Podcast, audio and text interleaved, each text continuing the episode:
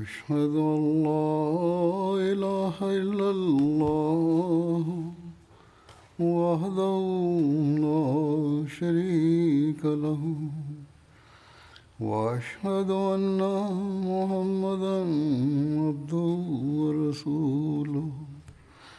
أما بعد فأعوذ بالله من الشيطان الرجيم. بسم الله الرحمن الرحيم. الحمد لله رب العالمين. الرحمن الرحيم. مالك يوم الدين. إياك نعبد وإياك نستعين. اهدنا الصراط المستقيم. صراط الذين أنعمت عليهم. غير المغضوب عليهم ولا الضالين. على الذي ينزل بحسب وعده تعالى على جماعة الخادم الصادق لرسول الله صلى الله عليه وسلم كل يوم. يذكر في التقرير السنوي الذي أتناوله بمناسبة الجلسة السنوية. كنت ذكرت فيه أنه لا يمكن ذكر كل شيء في وقت قصير. كيف ينزل الله تعالى أفضاله؟ وكيف يفتح قلوب الناس لقبول الأحمدية؟ كيف يقوى إيمان الناس؟ وكيف يهزم الأعداء؟ يستمر الناس في كتابة أحداث لا حصر لها. وسأروي بعضها اليوم أيضا لأن هذه الأحداث تقوي الإيمان في قلوب كثير من الأحمديين.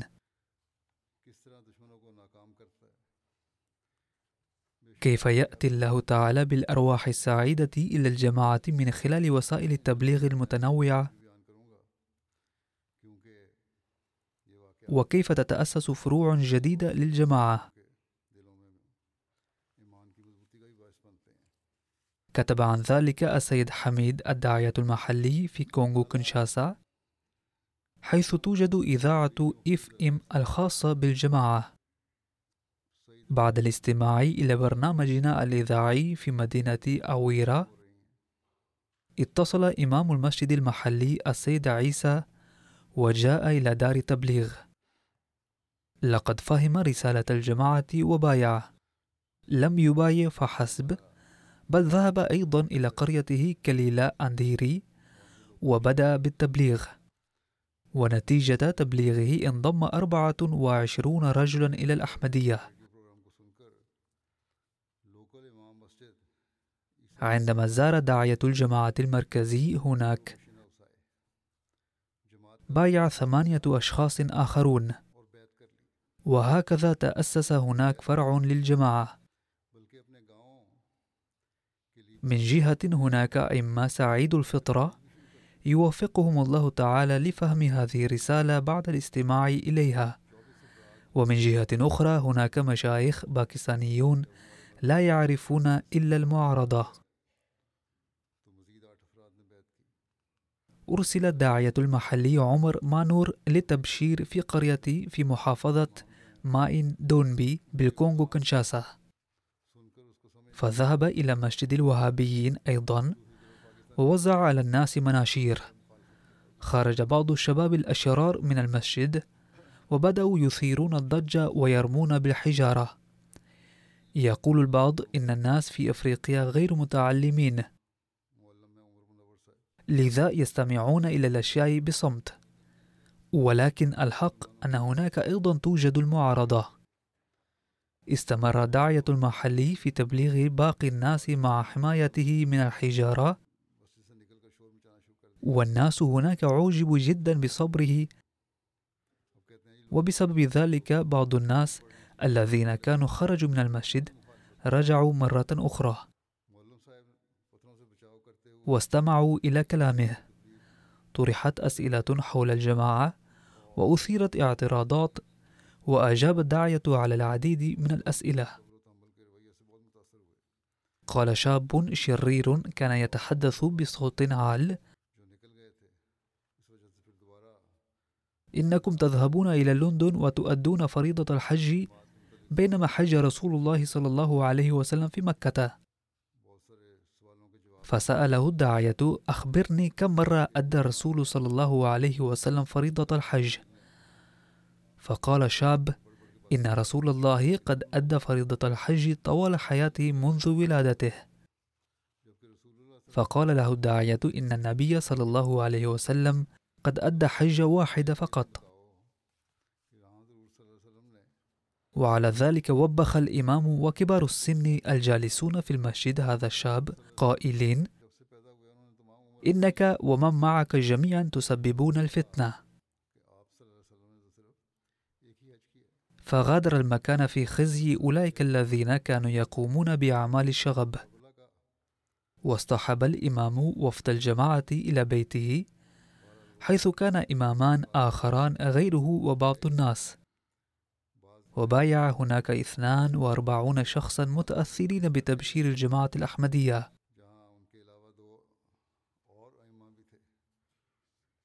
وتأسس هناك أيضا فرع جديد للجماعة.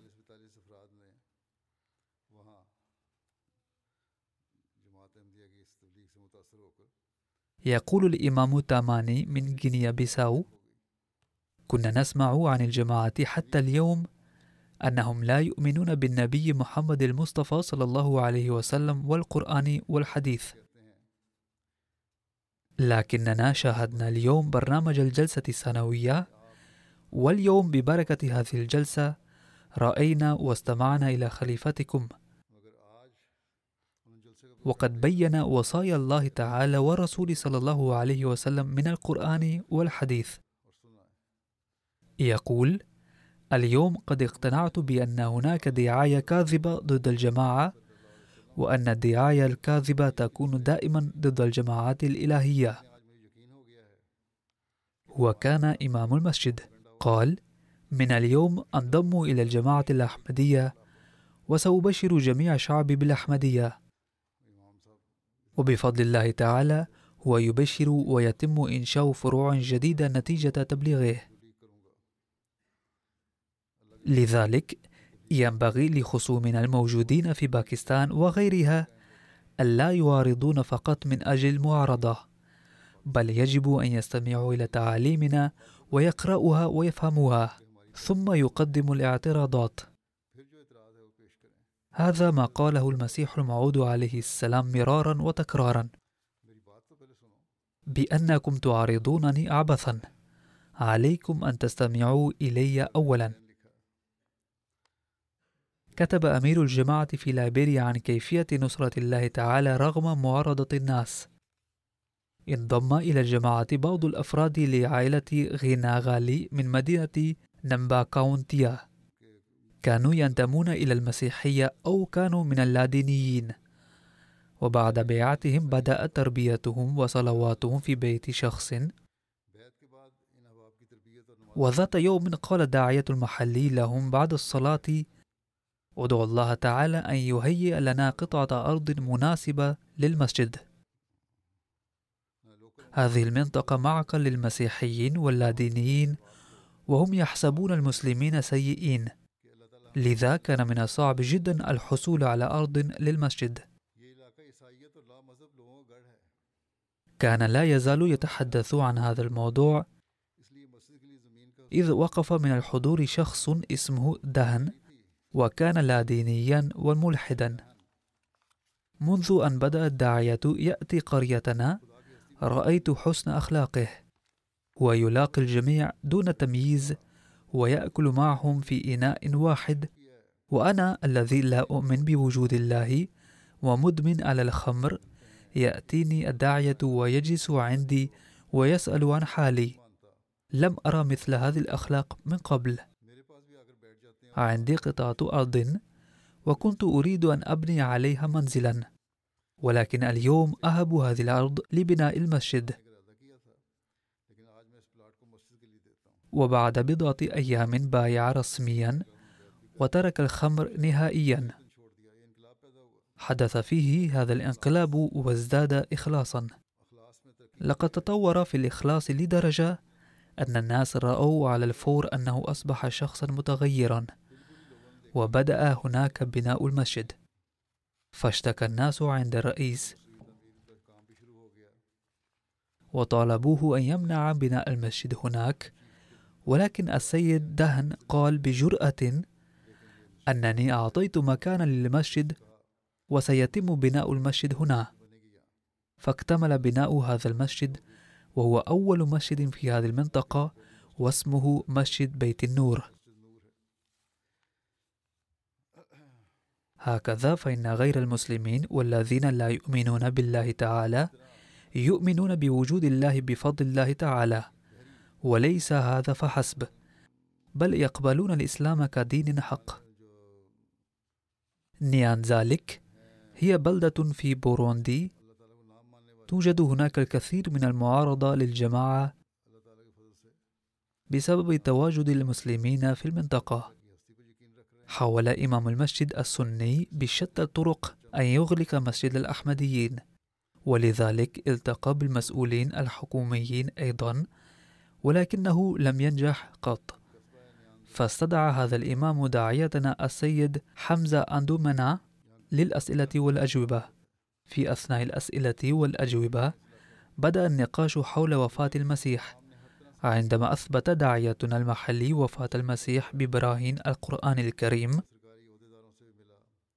لم يستطع هؤلاء الذين يسمعون بالعلماء الإجابة. فبدأ شجارا مع الداعية وأصدر فتوى تكفير على الجماعة. وقف مسيحي وأيد موقف الجماعة وأوضح للمولوي أن الجماعة الأحمدية مسلمة. وإسلامك غير مفهوم. وما يقوله الأحمديون هو مفهوم. من جهة أخرى اشتبك مشايخ هذا المسجد في المسجد نفسه. ولهذا اضطرت الحكومة للتدخل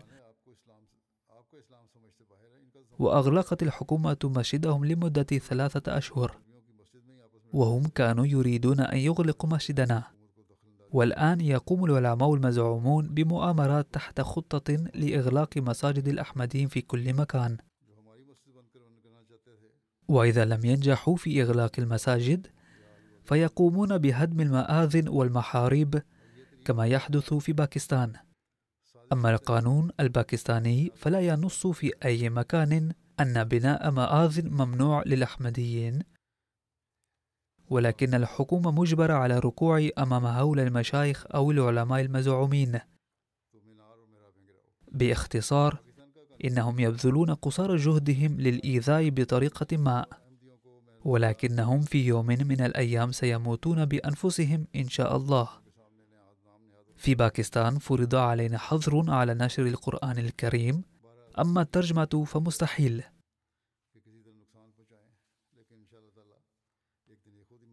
نشر نص القرآن فقط جريمة لا تغتفر. بل واجه بعض الأحمديين معارضة شديدة ورفعت ضدهم قضايا في المحكمة لمجرد سماعهم تسجيل القرآن الكريم. هذا هو الآن إسلام ما يسمون بالمسلمين. لقد أفسد المشايخ الدين. وبالمقابل كيف يفتح الله تعالى لنا طرق؟ وكيف ننشر القرآن الكريم في بلدان مختلفة من العالم؟ وكيف يلقى المصحف الذي تنشره الجماعة قبولا في كل مكان؟ وخاصة الترجمة التي نقوم بها في أي لغة. هي تجذب انتباه الناس. قال داعية محلي من دار السلام بتنزانيا إنه ذهب إلى منطقة لتوزيع المنشورات. هو يبيع كتب الجماعة أيضا. هذا يزيد من الصلات التبشيرية. في أحد الأيام ذهب مسافة 30 كيلومترا من منطقته. لا بل يقول إنني تلقيت يوما اتصالا هاتفيا من شخص غير أحمدي من مسافة 30 كيلومترا. أنه يريد شراء ترجمة القرآن الكريم باللغة السواحلية. قال الداعية يمكنك العثور على ترجمات القرآن الكريم في المنطقة القريبة منك. ولكنه قال إنني أحب أسلوب ترجمة الجماعة وتفسيرها كثيرا. صحيح أن الآخرين أيضا قاموا بتراجم ولكني أحب طريقة الجماعة في الترجمة لأن الفطرة السليمة تقبلها. أريد الحصول على هذه الترجمة. قال السيد بلال داعية الجماعة في مالي. إن الجماعة الأحمدية عقدت معرضا للقرآن الكريم حيث جاء طالب إلى خيمة المعرض فعرفناه بالترجمة الفرنسية للقرآن الكريم التي قامت بها الجماعة أنها أفضل التراجم للمصحف باللغة الفرنسية. فقال هذا الشاب يوجد في بيتي ترجمة القرآن وهي أفضل من ترجمة الجماعة بالفرنسية. باختصار هو ذهب إلى منزله وأحضر القرآن الكريم وأمضى أكثر من ساعة ليشرح لنا أن ترجمة غير الأحمديين أفضل من ترجمة الأحمديين.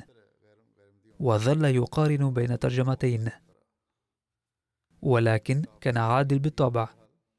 فأخيرا اضطر إلى القول إن ترجمة الجماعة متفوقة جدا وهي في الواقع تجعل القرآن سهل الفهم.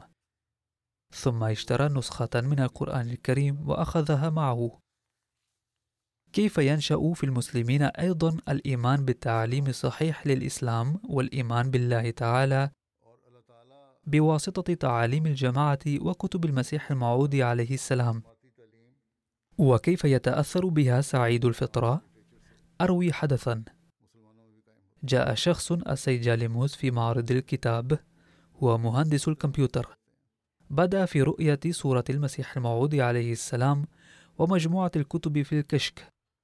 بعد قليل قال هذا الشخص بعيون مبتلة مخاطبا داعية الجماعة إذا كنت واقفا أمامك اليوم كمسلم فهذا فقط بسبب الجماعة الأحمدية. هذه منة عظيمة لي من الجماعة. فسألناه هل هو أحمدي؟ فماذا منة الجماعة عليه؟ فأجاب لست أحمديا ولكني كنت أبتعد عن الدين لدرجة أصبحت ملحدا ولكن في منزلي كان عند والدي بعض الكتب القديمة للجماعة الأحمدية التي كتبها حضرة ميرزا غلام أحمد القادياني عليه السلام لقد قرأت هذه الكتب والحجج التي قدمها المسيح الموعود عليه السلام عن الله تعالى فتحت عيني. وأصبحت مذهولا وترسخ في قلبي الإيمان بالله تعالى. وهكذا يستعيد الملحدون إيمانهم من خلال كتب الجماعة الأحمدية. ثم قال إنني الآن اواصل دراسة موقع الجماعة الأحمدية. الحجج التي قدمتها الجماعة الأحمدية في تأييد الإسلام تقوي إيماني وتزيد معرفتي. أنا مسلم اليوم بسبب الجماعة الأحمدية. في بعض الدول الغربية كالسويد والدنمارك وغيرها حيث يتم إهانة القرآن الكريم عندما تعرض هناك تعاليم الإسلام الجميلة تتغير مواقف هؤلاء المعارضين.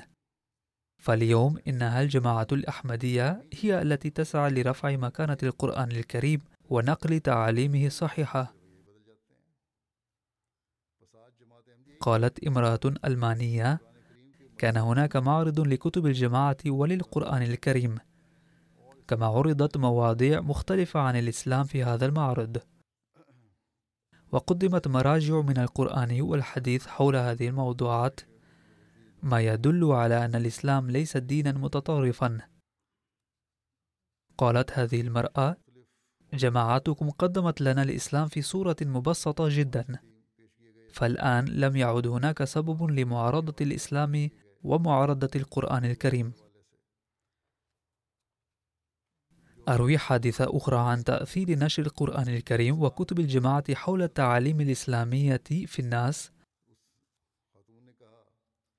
هناك بروفيسورة مسلمة السيدة شبانة ياسمين سهيبة. جاءت إلى معرض الكتاب في غولامات. يقول كاتب التقرير أنها عندما رأت كشك الكتب للجماعة فرحت للغاية وجاءت مباشرة إليه وأخذت ترجمة الأسامي للقرآن الكريم. هذا المعرض كان في مدينة آسام. وقالت لزميلتها إن حلمي قد تحقق اليوم. كنت أبحث عن ترجمة القرآن الكريم باللغة الأسامية منذ فترة طويلة. كان لي أستاذ سألني مرارا عن الترجمة الأسامية للقرآن الكريم ولكنني لم أتمكن من إعطائها له لعدم تيسره لي ولذلك كنت أشعر بالندم. وكنت أشعر بالأسف على كوني مسلمة. اليوم بعد وفاة أستاذي عثرت على هذه الترجمة للقرآن الكريم. لو كان ثمنه آلاف الروبيات لكنت اشتريته في هذا الوقت. إنه محض فضل الله تعالى أن في مثل هذه المناطق النائية حيث لا يوجد لدى المسلمين القرآن والكتب الإسلامية الأساسية الأخرى تقوم الجماعة الإسلامية الأحمدية بتلبية احتياجاتهم الدينية والروحانية من خلال إقامة أكشاك للكتب. ثم هناك سيدة اسمها بانتي دوباراس هي تبني معبدا للإله شيوا تعتنق الديانة الهندوسية وتبلغ دعوتها. زارت معرض الكتب الذي أقامته الجماعة في مدينة ديماجي. واستغربت بشدة على معرض كتب إسلامية في منطقة عدد المسلمين فيها قليل جدا. فتحدثت مع القائمين بالمعرض ورجعت سعيدة ومسرورة جدا.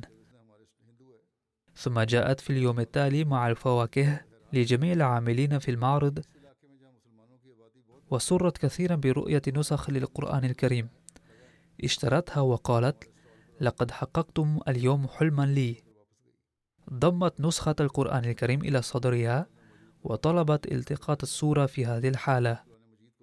الجمهورية الشيكية تقع ضمن بلاد أوروبية شرقية يقول داعية الجماعة من هناك أن شابا زار معرضنا للكتب وقال لقد توصلت إلى نتيجة أن الله تعالى موجود ولكن لم أفهم أي الأديان قادرة على إيصالي إلى الله تعالى.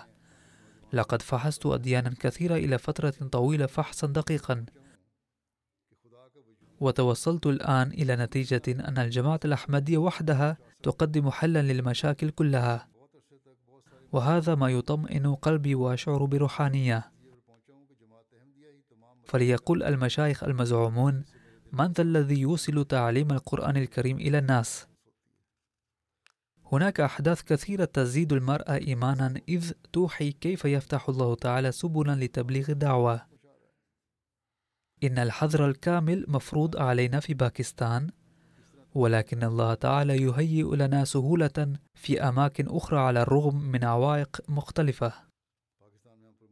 يقول داعية الجماعة في غينيا بيساو في شهر ديسمبر الماضي زرت جزيرة كيبودر وشعرت في أثنائها بشدة أنه يجب أن تكون لدينا برامج إذاعية وبواسطتها يمكننا أن نبلغ دعوة الجماعة بسرعة ولكن لم يتم تسجيل الجماعة فيها رسميا على الرغم من بذل مساعي حثيثة. لذا لم نتمكن من الحصول الإذن على بث إذاعي. بعد الزيارة المذكورة طبعنا في غينا بيساو نشرات كثيرة ووزعناها.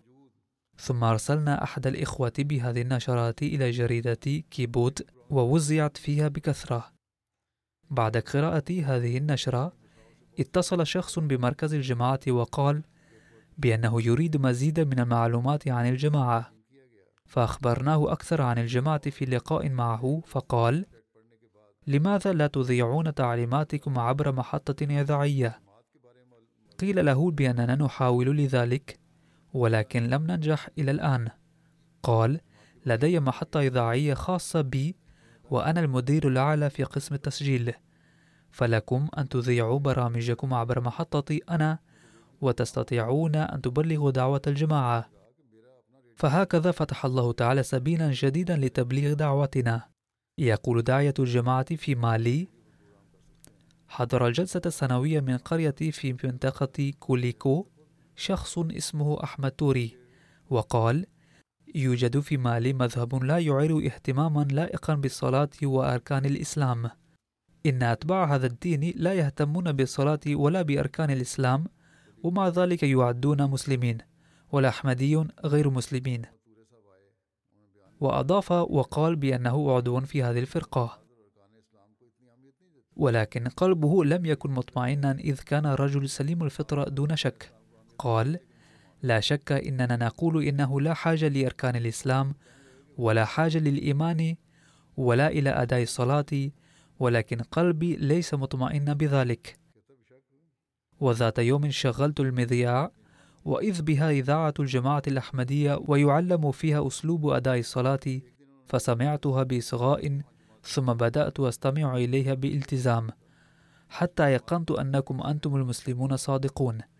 ولكن قال لي أهل القرية والمشايخ كلهم قد أخرجوكم من الإسلام. عندما رأيت الناس هنا يصلون الصلاة وصلاة التهجد اطمأن قلبي. لا أعرف عن الدين كثيرا ولكن بقدر ما أعلم عن الإسلام فقد رأيته يمارس هنا. والآن أنضم إلى الجماعة الأحمدية. من المعلوم أن القرآن الكريم هو كتابنا التشريعي وإن قراءته وسماعه وحيازته ممنوع على الأحمديين في باكستان كما قلت من قبل ويعد جريمة. القرآن الكريم هو الكتاب الوحيد الذي ينشر الإسلام في العالم ويصلحه. يقول داعية الجماعات في مايكرونيشيا السيد شرحبيل المحترم قبل فترة وجيزة اتصل السيد سايمون غيدن وحصل على نسخة من القرآن الكريم. ومضت على ذلك فترة ثم جاءت منه رسالة فجأة قال فيها إنه يريد اللقاء. فحين جاء إلى المسجد قال لقد قرأت الكتاب المقدس بالتفصيل على مدى حياتي ولكن لم أستوعب تعليماته على الرغم من بذل جهدي. ولكن عندما بدأت في قراءة القرآن الكريم شعرت كأن كل كلمة تدخل إلى قلبي مباشرة. يقول لقد استغربت وقلت في نفسي كيف يمكن أنني كنت مخطئا على مدى حياتي كلها؟ وكنت محروما من تعليم القرآن الكريم. ثم ذهبت إلى والدتي وأخبرتها بأني عازم على قبول الإسلام. كان كثير من أقاربه موجودين هناك فقالوا إنك ترتكب سيئة كبيرة. ونهروه بشدة. فقال لهم افعلوا ما شئتم. أما أنا فقد أسلمت من أعماق القلب. يقول داعية الجماعة عندما ذكر لي السيد سايمن ذلك اغرورقت عيناه دموعا فلم ينضم إلى الجماعة فقط بل يبلغ دعوة الإسلام أيضا بشجاعة كبيرة. ثم هناك أحداث توحي كيف يدخل أصحاب الفطرة السليمة الإسلام في بلاد مختلفة. فيقول بهذا الشأن أمير الجماعة في إسبانيا لقد أسلم أخ إسباني السيد فرانسيسكو بيسوس في يناير عام 2023 بعد بحث وتحقيق إلى مدة طويلة.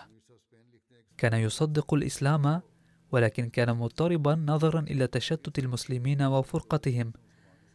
وكان يدرك أن المسلمين لم يتحد وكان يدرك أن المسلمين لم يتحدوا بعد بعد سيدنا علي رضي الله عنه كان قد درس تاريخ الإسلام قليلا وكان يعرف أنه من المستحيل أن يتحد المسلمون إلا تحت مظلة نظام الخلافة ولكن أين يبحث عن الخلافة؟ في آذار مارس 2023 تم تواصله مع أحمدي اسمه السيد طارق فأوصاه أن يبحث في أمر الأحمدية فظل يبحث ويتحقق في أمر الأحمدية إلى ثلاثة أشهر ثم بايع بقلب منشرح والآن يحضر صلاة الجماعة وغيرها بالالتزام. هناك أخ من تاجيكستان اسمه السيد خروموف ترغن يسكن حاليا في كرغيزستان يقول أعمل في مدينة كاشغر وفيها بعض الأحمديين أيضا وهنا ذكر أسماء بعضهم وظللت في نقاش معهم عن الجماعة إلى ثلاثة أعوام. وفي النهاية أيقنت بأن الجماعة الأحمدية هي الإسلام الحقيقي وأن الإمام المهدي عليه السلام هو المسيح الموعود وأن المسيح الناصري عليه السلام قد مات. فبايعت وانضممت إلى الجماعة. ثم كتب إلي طالبا الدعاء ليوفقه الله تعالى للخدمة ويجعله تقيا ويوفقه للعمل بشروط البيعة.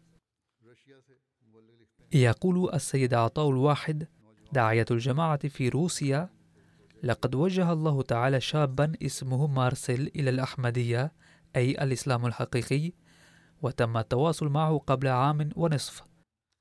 يسكن الشاب في قرية صغيرة وكان أبوه قد ابتعد عن الدين. ولكن زوجة السيد مارسيل كانت مسيحية وأخو السيد مارسيل أيضا مسيحي. ولكن صرف نظر مارسيل إلى الإسلام. بسبب فئة أبيه القومية لأنه كان مسلما من قبل. فبناء على ذلك انضم السيد مارسيل إلى الإسلام وانتمى إلى مسلك أهل السنة. يقول بعد قبول الإسلام كانت عدة أسئلة تخالج ذهني ولم يكن المشايخ المحليين قادرين على الرد عليها ردودا مقنعة.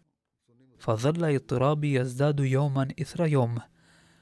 وفي هذه الأثناء قدر الله تعالى أن يتم تواصلي مع أفراد الجماعة في روسيا بواسطة الإنترنت حيث يجد ردودا مقنعة على أسئلته.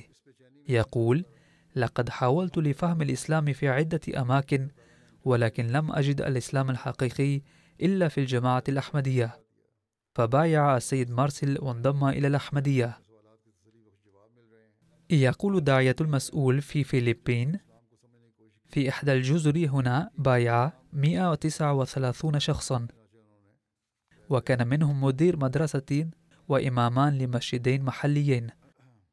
وبالإضافة إليهما بايع أربع آخرون من أئمة المساجد. يقول أحد أئمة المساجد السيد حاج عيسى المسجد الذي أعمل إماما فيه إنه مسجد أحمدي من اليوم. وأحد الإخوة وهب للجماعة أرضا ملتصقة بالمسجد وهناك خطة لبناء مركز الجماعة فيها خلال العام ليعين داعية الجماعة بصورة دائمة. يقدم الإمام المذكور تضحيات مالية أيضا وليس ممن يأخذون النقود علما أنه يدير محلا وتجارة. وقال ذات يوم قدمت تضحية مالية قدرها 500 بيسو. ولكن الله تعالى أعطاني في اليوم التالي من حيث لم أحتسب ليقوي إيماني مئة ألف بيسو. إذا هكذا يرشد الله تعالى ذوي فطرة سليمة. يقول داعية الجماعة في منطقة سكاسو في مالي جاء السيد مروان كوليبالي إلى مركز الجماعة وقال بأنه يريد أن يبايع وقال بأنه كان يستمع إلى إذاعة الجماعة بشوق. وكان مطمئنا بمعظم ما تقوله الجماعة ولكن لم يطمئن قلبه للبيعة فذات يوم كان يسمع برامج الإذاعة وغلبه النوم أثناء ذلك. يقول رأيت في المنام أن هناك قمرا منيرا جدا في السماء وفيه صورتا شخصين إحداهما صغيرة والأخرى كبيرة والأطفال يصرخون واقفين بالقرب ويقولون هذه صورة الإمام المهدي وخليفته وهما قد جاءا. يقول سيد مروان سألت شخصا كبيرا واقفا بالقرب هل أنت أيضا ترى هاتين الصورتين؟ فرد الشخص في الحلم بالنفي. ولكن اطمأن قلبي بأن الأحمدية صادقة إذ تعلن بمجيء الإمام المهدي. لقد شاهد الراوي صور خلفاء المسيح الموعود عليه السلام بما فيها صورتي أيضا. وعرف صورة كبيرة على أنها صورة المسيح الموعود عليه السلام وعندما رأى صورتي قال هذا هو المشهد الذي رأيته في المنام.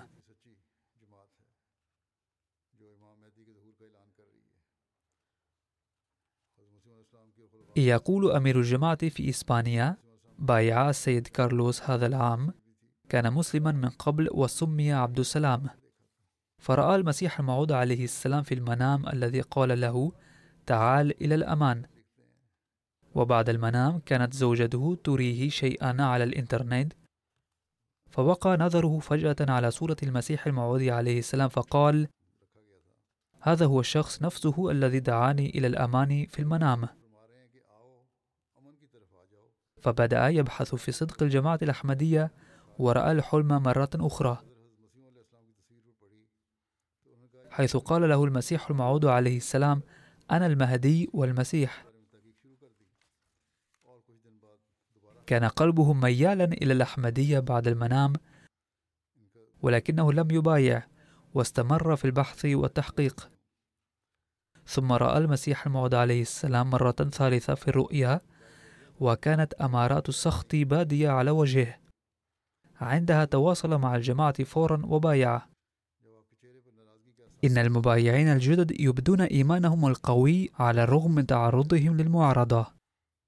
يقول السيد ناصر سيدو من قرية مهدي أباد من بوركينا فاسو عندما قبلت الأغلبية من قريتنا الأحمدية دعاني إلى سعودية ابن عمي المقيم فيها وتحمل جل نفقات سفري. عندما وصلت إلى هناك ذهب بي ابن عمي لأزور الكعبة وقال في هذه الأثناء هذه هي أماكن الإسلام المقدسة وقد بدأ الإسلام من هنا ولم يبدأ من باكستان لذا عليك أن تعتنق بعقيدة الوهابية وتترك الأحمدية قلت ألهذا دعوتني؟ فهز رأسه في الإثبات. فقلت له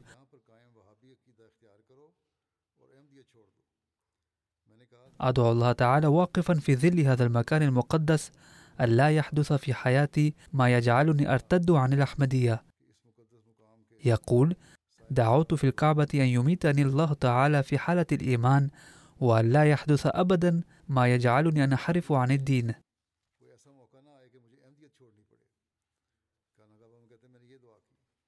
ثم عدت إلى البوركينا فاسو سريعا وشاءت الأقدار أن ابن عمي المذكور جاء إلى بوركينا فاسو لزيارة أقاربه وبلغه الحاج إبراهيم دعوة الجماعة وانضم إليه. فالشخص الذي كان يريد أن يصيدني صار نفسه صيدا للأحمدية. ثم هناك أحداث توحي بثبات الأحمدية وصمودهم في وجه المعارضة.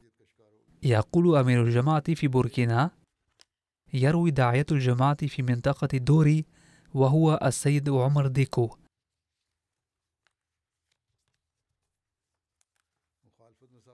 ذات يوم جاء طائفة من مشايخ الوهابيين إلى بيته وطلبوا منه أن يترك الأحمدية وهددوه بالقتل في حال عدم تركه إياها فقال لهم اقتلوني إن شئتم ولكن لن أترك الأحمدية ولن أتخلى عن تبليغ الدعوة. فانصرفوا وهم غاضبون غضبا شديدا.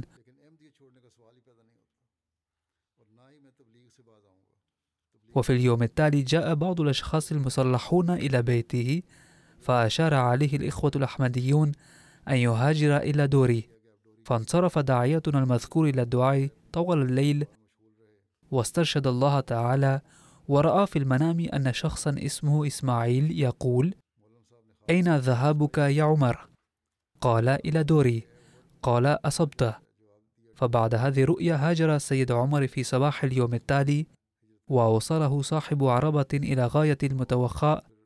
يقول السيد عمر بعد وصولي إلى دوري اتصلت بي زوجتي وقالت أن الإرهابيين المسلحين جاءوا إلى البيت بحثا عنك. لقد أنقذ حياته بهذه الطريقة. من إحدى القرى في ولاية أوسن النيجيرية وفق السيد بدر أدريمي لقبول الأحمدية. وكان قبل الانضمام إلى الأحمدية عضوا نشيطا في الفئة المعارضة للأحمدية. يقول إن داعية الأحمدي في قريتنا عرفني بالأحمدية فنشأت لدي رغبة في التعرف إلى الأحمدية أكثر. وبعد بحث قصير قبلت الأحمدية. وبعد البيع واجهت معارضة شرسة من أهل القرية. فقالوا لي إن لم تترك الأحمدية خلال ثلاثة أشهر فسوف ندمر بيتك. فأصابني قلق شديد. ثم ذات يوم خرجت إلى مزرعتي وكنت أعمل هناك إذ ظهر إعصار قوي. فأيقنت أن بيتي يكون قد دمر في هذا الإعصار عندما سأعود إليه. ولكنني حين عدت إلى البيت وجدت البيوت المجاورة قد دمرت تماما. فلم تتضرر سطوح خمسين بيت فقط بل قد تحولت إلى أنقاض تماما. عندها تذكرت قول المعارضين ما دمت قبلت الأحمدية لذا عندما ستعود إلى البيت يوما فسترى بيتك قد دمر تماما. فدعوت الله تعالى يا إلهي إذا كانت هذه الجماعة جماعتك وأن المسيح الموعود عليه السلام هو نفس الإمام المهدي الذي بشر به رسول الله صلى الله عليه وسلم فلا تترك بيتي ينهدم ويبيد. باختصار حين توقف المطر ودخلت البيت وجدت كل غرفة محفوظة ولم يتضرر البيت مطلقا بينما البيوت المجاورة كانت قد دمرت. يقول بعد رؤية هذا الحدث تقوى إيماني بصدق الأحمدية أكثر وأيقنت أن هذه الجماعة في الحقيقة جماعة ربانية. باختصار إننا نرى في شتى بلاد العالم تأييدات الله تعالى للمسيح الموعود عليه السلام الذي علمنا الإسلام الصحيح وهذا أكبر دليل على صدق الجماعات الأحمدية. فهذه الأمور وهذه الأحداث تقوي إيمان الناس بفضل الله تعالى.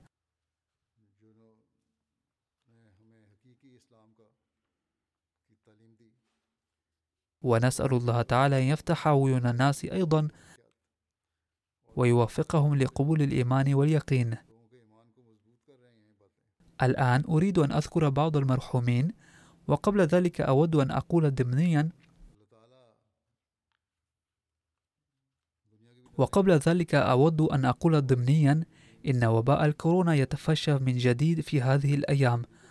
فاحذروه واتخذوا أسباب الوقاية منه.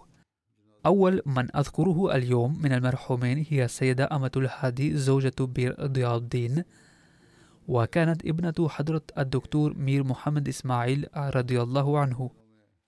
فقد توفيت في الآونة الأخيرة عن عمر يناهز 92 سنة. إنا لله وإنا إليه راجعون. أحد ابنيها السيد شبير أحمد نائب أمير الجماعة في إسلام آباد باكستان. وثاني ابنيها العماد دبير أحمد يعمل مشرفا على أعمال مستشفى فضل عمر بربوة. بعد أن وقف حياته بعد التقاعد وللمرحومة ابنتان أيضا. يقول ابن المرحومة لقد رأينا نحن الإخوة والدتنا منذ طفولتي تداوم على الصلاة وتلاوة القرآن الكريم وكانت تشاهد برامج القناة الأحمدية بانتظام. وكانت تساهم في جميع مشاريع الجماعة وكانت متبرعة في الدفتر الأول لصندوق التحريك الجديد. كان زوج المرحومة عماد ضياء الدين في أثناء الحرب بين باكستان والهند في عام 1971 في باكستان الشرقية التي استقلت لاحقا وصارت بنغلاديش. وبقي هناك مدة طويلة ويقول سيد بير دبير إن والدتي وأختي الصغيرة أيضا كانتا معه. وبعد مدة قصيرة أرسل والدي والدتي وأختي الصغيرة فكانت والدتي تقلق ولكنها لم تظهر القلق لنا نحن الأولاد بل ظلت ترفع معنوياتنا. فجاء والدي من هناك بعد ستة أشهر. كانت دوما تنصحنا بمناسبة العيدين أن نهتم بالفقراء ونقدم لهم العيدية. وكانت ترسل مبلغا جيدا إلى الإنسانية أولا مرتين كل سنة. وهذا ما ذكره الدكتور نوري المحترم أيضا. لحفر الآبار ونصب مضخات المياه وتعليم الأولاد الفقراء وإطعامهم تقول ابنتها أمة الكبير طلعت كانت المرحومة تقرأ القرآن الكريم بصوت مرتفع ولم تكن تغتاب أحدا وتمنع الآخرين أيضا من الغيبة. كانت تكن علاقة التعظيم للخلافة وكانت تشاهد برامج القناة الأحمدية وتستمع إلى خطب الجمعة بانتظام. وكانت تقول لنا ناصحة دوما إن مطالعة كتب الجماعة مفيدة جدا وكان لديها شخصيا ولع بذلك حيث كانت الكتب دوما تحتوي سادتها لتقرأها. كانت اجتماعية ودمثة الأخلاق. تقول حفيدتها كلما حفظنا سورة من سور القرآن الكريم قدمت لنا جائزة تشجيعا وتذكروا أنها كانت تسبح الله تعالى وتذكره طويلا بعد الفجر. وتنصحني أيضا بذلك. صباحا كانت أقرأ شيئا من تفسير القرآن وكتاب حديقة الصالحين والخزائن الروحانية وبعدها تفطر. غفر الله للمرحومة. ورحمها ورفع درجاتها ووفق أولادها لمواصلة حسناتها.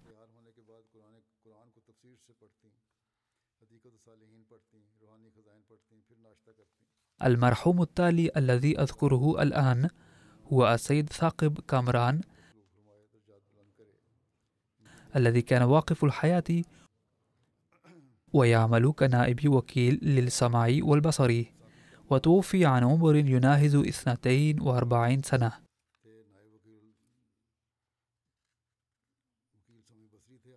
يقول الأطباء أن التسمم الغذائي تسبب في وفاته. وحصلت مأساة أخرى في بيته حيث توفي قبله بساعة إلا ربع أحد ابنيها عارف كامران أيضا بسبب نفسه. إذ كان قد أكل هو الآخر نفس الطعام.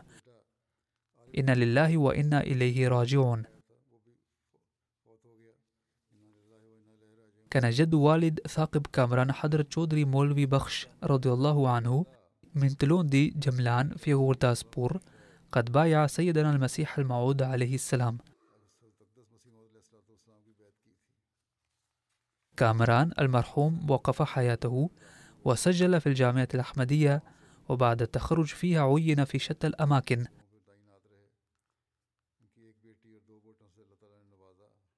كان الله تعالى قد رزقه ابنة اسمها رميسة كاشفة وعمرها سبعة عشر سنة وابنين هما غالب كامران البالغ من العمر ثلاثة عشر سنة والابن الثاني توفي معه.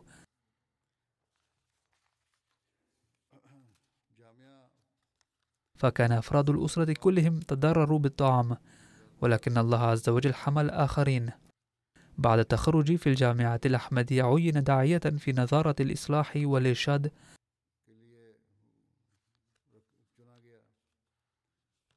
ثم انتخب للتخصص في علم الحديث ثم أرسل بإشراف وكالة التعليم بالتحريك الجديد إلى سوريا لدراسة اللغة العربية. إلا أنه أعيد من هناك لسوء الأوضاع أو لسبب آخر. وفي ديسمبر عام 2018 حين بدأت استوديوهات التحريك الجديد عين المرحوم نائبا لوكيل السمع والبصر بالتحريك الجديد. وظل يشغل هذا المنصب حتى الوفاة. فقد وفقه الله تعالى لخدمة ثمانية عشر سنة.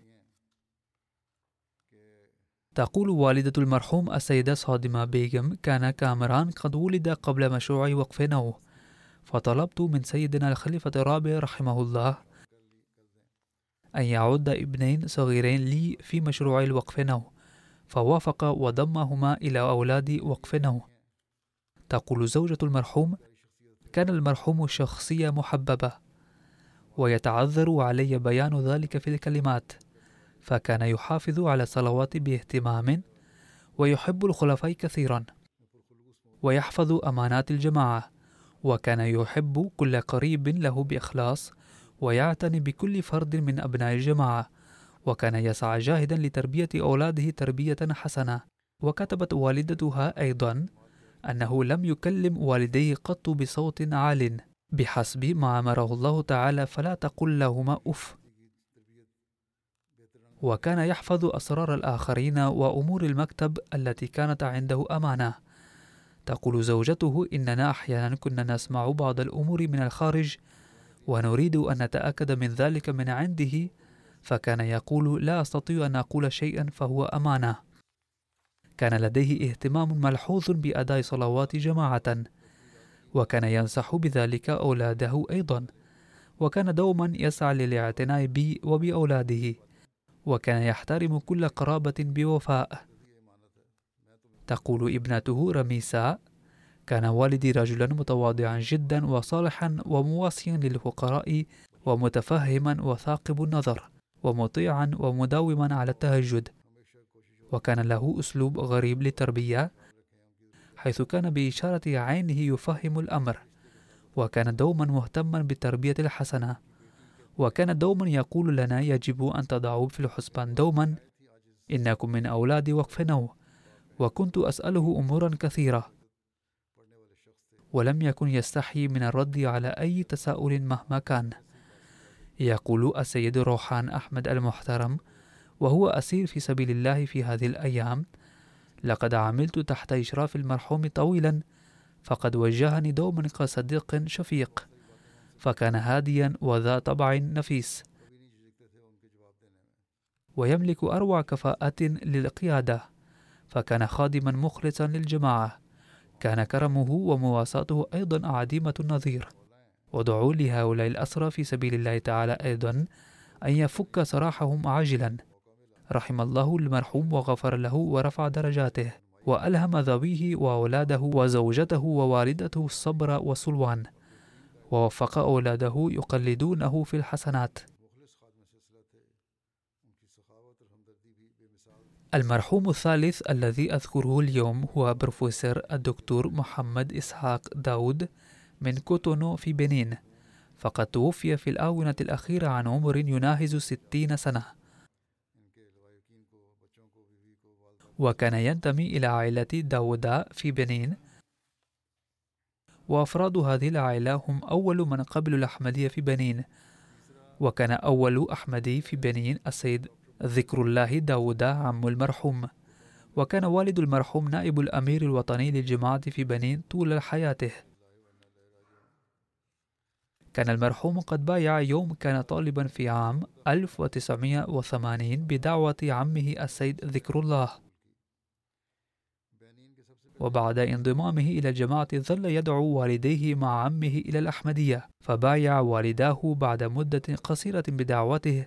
في عام 2022 نال شهادة الدكتوراه في زوالوجيا من جامعة سينيغال وبعد العودة من هناك عين أستاذا محاضرا في جامعة براكو.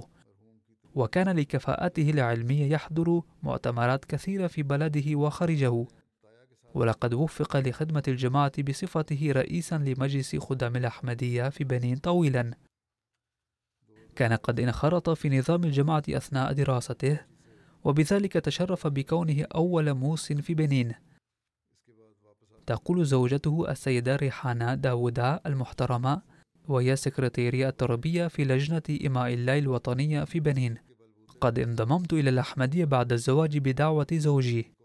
فقد علمني أولا كتيب يسرنا القرآن ثم علمني القرآن الكريم. فكان المرحوم رجلا نبيلا وأمينا ومواسيا للفقراء وكان دوما مستعدا لأعمال الجماعة. وكان يداوم على التهجد وكان ينصحني بتلاوة القرآن الكريم في البيت لكي تنزل على بيتنا رحمة الله تعالى.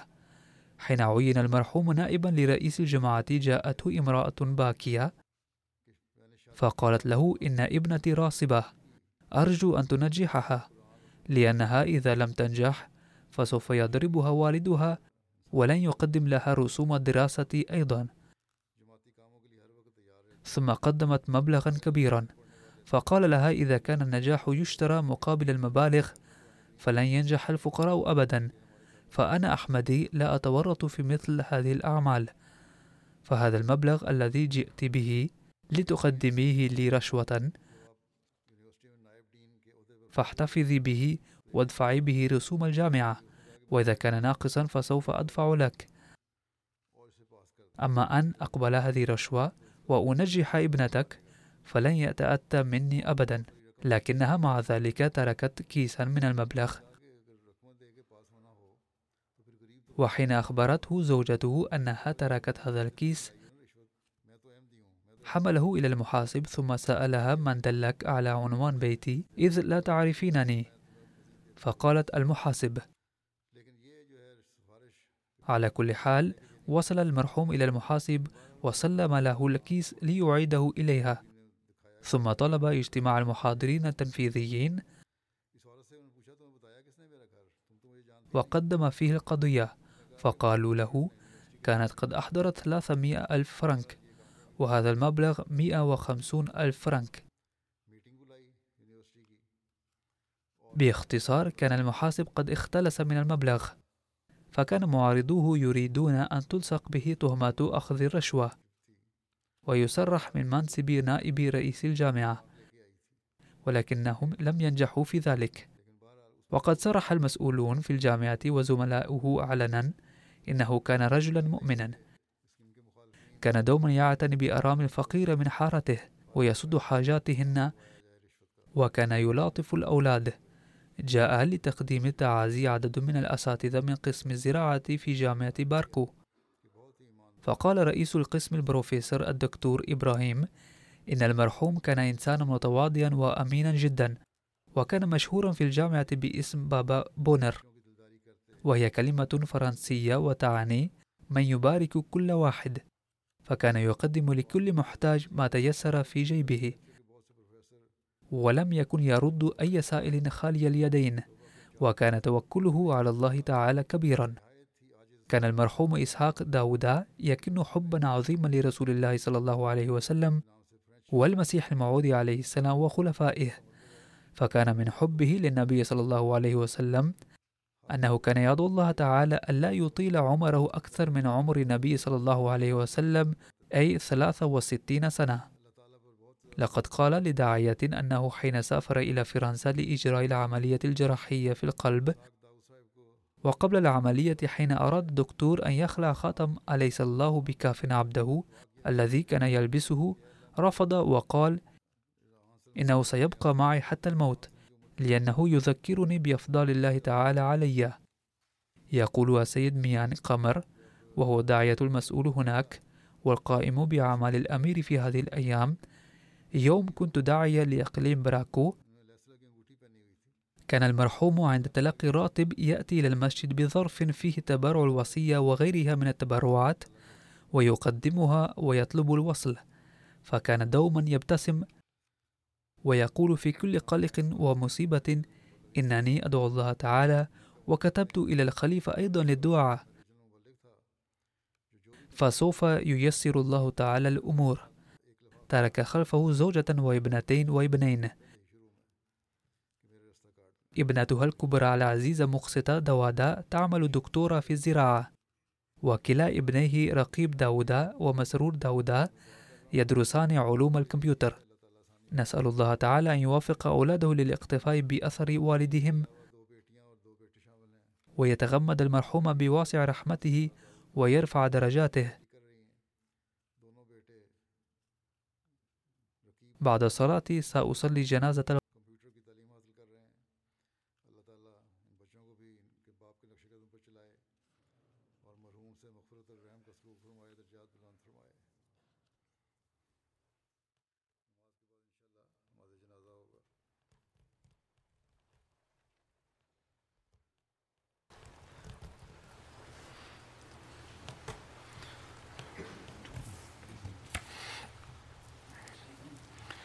الحمد لله الحمد لله نحمده ونستعينه ونستغفره ونؤمن به ونتوكل عليه ونعوذ بالله من شرور أنفسنا ومن سيئات أعمالنا.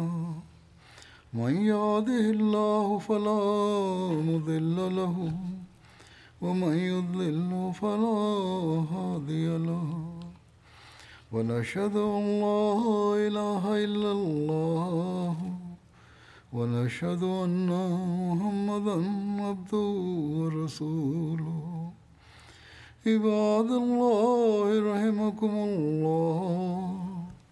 إن الله يأمر بالعدل واللسان وإيتاء ذي القربى وينهى عن الفحشاء والمنكر والبغي يعظكم لعلكم تذكرون. اذكروا الله يذكركم وادعوه يستجب لكم. ولذكر الله أكبر